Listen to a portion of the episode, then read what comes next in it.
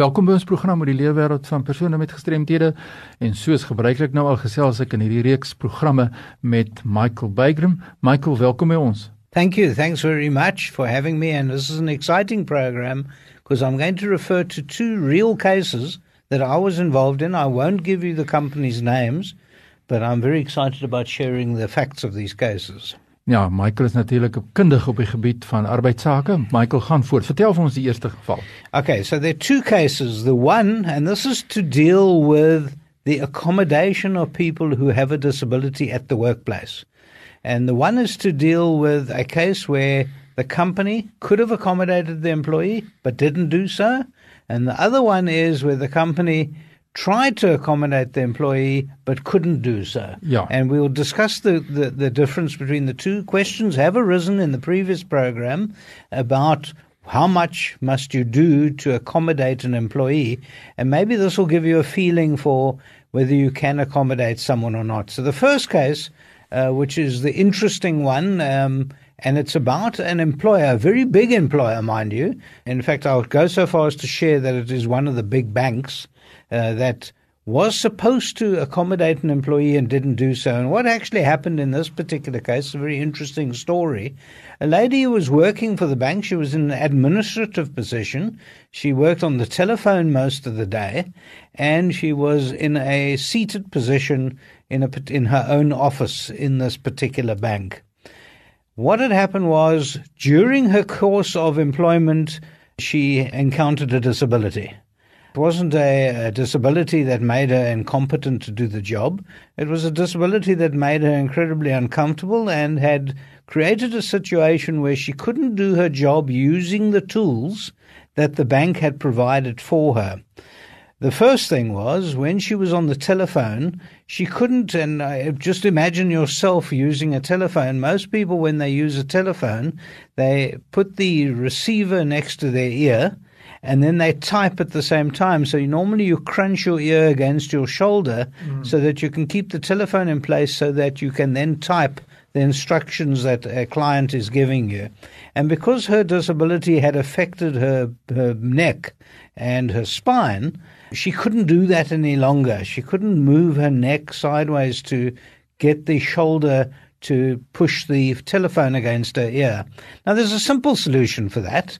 Uh, she had brought in someone, she had shared this with the bank, and she had said, This is my problem. This is the first problem that I've got.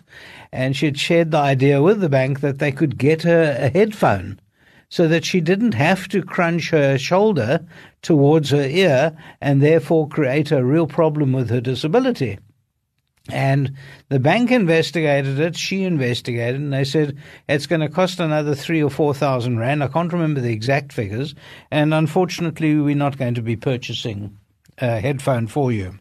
And that was the first one. I'll come back to that. The second one is that when she had to get certain records out of her physical files in the cabinet behind her, she had to get up each time and go to the cabinet, get the file out, and then come back to speak to the client that was on the telephone, and she had suggested that they buy her a chair with wheels so that she didn't have to get up each time. She could swivel the chair round and use the wheels to get to the cabinet, take the file out. The cabinet wasn't a tall cabinet. Take the file out, bring it back to the desk so she could then continue with the telephone. And then also, if they'd given her headphones, it could also be a headphone that didn't have to be connected to wires so that she could almost carry on talking to the client while she was wheeling herself to the cabinet without wasting time and then also keeping the client happy.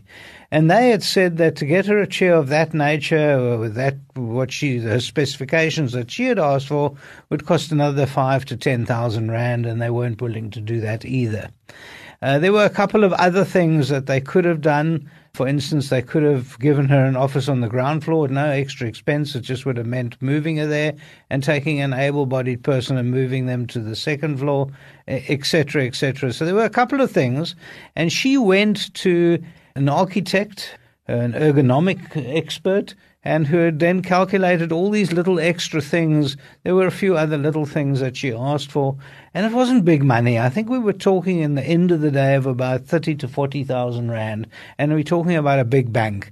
And the problem that we've got with the big bank is that they said no, and then they retrenched her. She took that to court, and she won her case. She didn't. She was embarrassed after all this, so she didn't want to go back. But she won her case and was given a very handsome payout because they refused to accommodate her in those circumstances. And the bank, unfortunately, was named in that case, and they've been embarrassed ever since. And it's a, it's a real issue. And where I'm coming from is they could have done it at, at it wouldn't even cost them a tiny bit of their petty cash. Nou, that is Mr Michael Bygram. Michael, dit is wonderlike inligting wat ons hier hoor wat ons moet deel met die gemeenskap.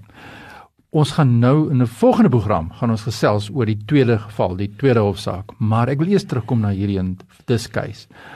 Wat kon gedoen gewees het om te voorkom? Is it education? Is it interaction with the employer? Is understanding the Employment Equity Act and the Code of Good Practice? What would you say at the end of this program, what could have changed this whole situation? All we needed and all we wanted to have done was human resources to fully understand that people have to be accommodated in our law.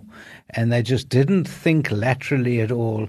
And for that, they sacrificed a woman that was highly qualified, had been there for many years.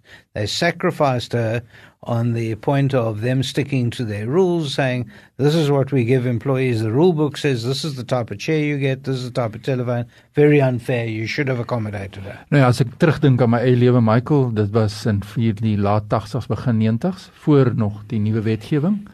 And I lost my job due to acoustical trauma and deafness and I had to start all over again and I kan daai gevoel van die vrou voel hoe dit voel om jou werk te verloor met geen behoorlike wetgewing in plek op daardie stadium. The positive thing is today the legislation is, is in place the best legislation but we're not there yet. Ons moet nog baie doen bewusmaking te skep en dit is die deel van hierdie programme. Michael waar ons kan gesels met die gemeenskap en gesels oor hierdie sake en mense soos kundiges soos jy wat ons die advies kan gee wat werkgewers na vore kan kom en sê kom ons praat eerder en ons kom ons kyk na die feite, ons kyk na die agtergrond om hierdie situasie te vermy. En ten laaste wil ek net sê what about the human dignity Absolutely. in the process? It was such a traumatic experience and you now understand it fully and that's the point. And we can now today change that. Nou ja as jy navraag het aan Michael Michael waar kan hulle vir die hande it's best to get me on the email it's michael m i c h a e l at bagrams b a g r a i m s.co.za and thank you for having me. Ja, baie dankie. En as jy inset in hierdie program wil maak of vra, stuur sommer nou 'n e-pos aan my by fani.dt by mweb.co.za. Groetens tot 'n volgende keer.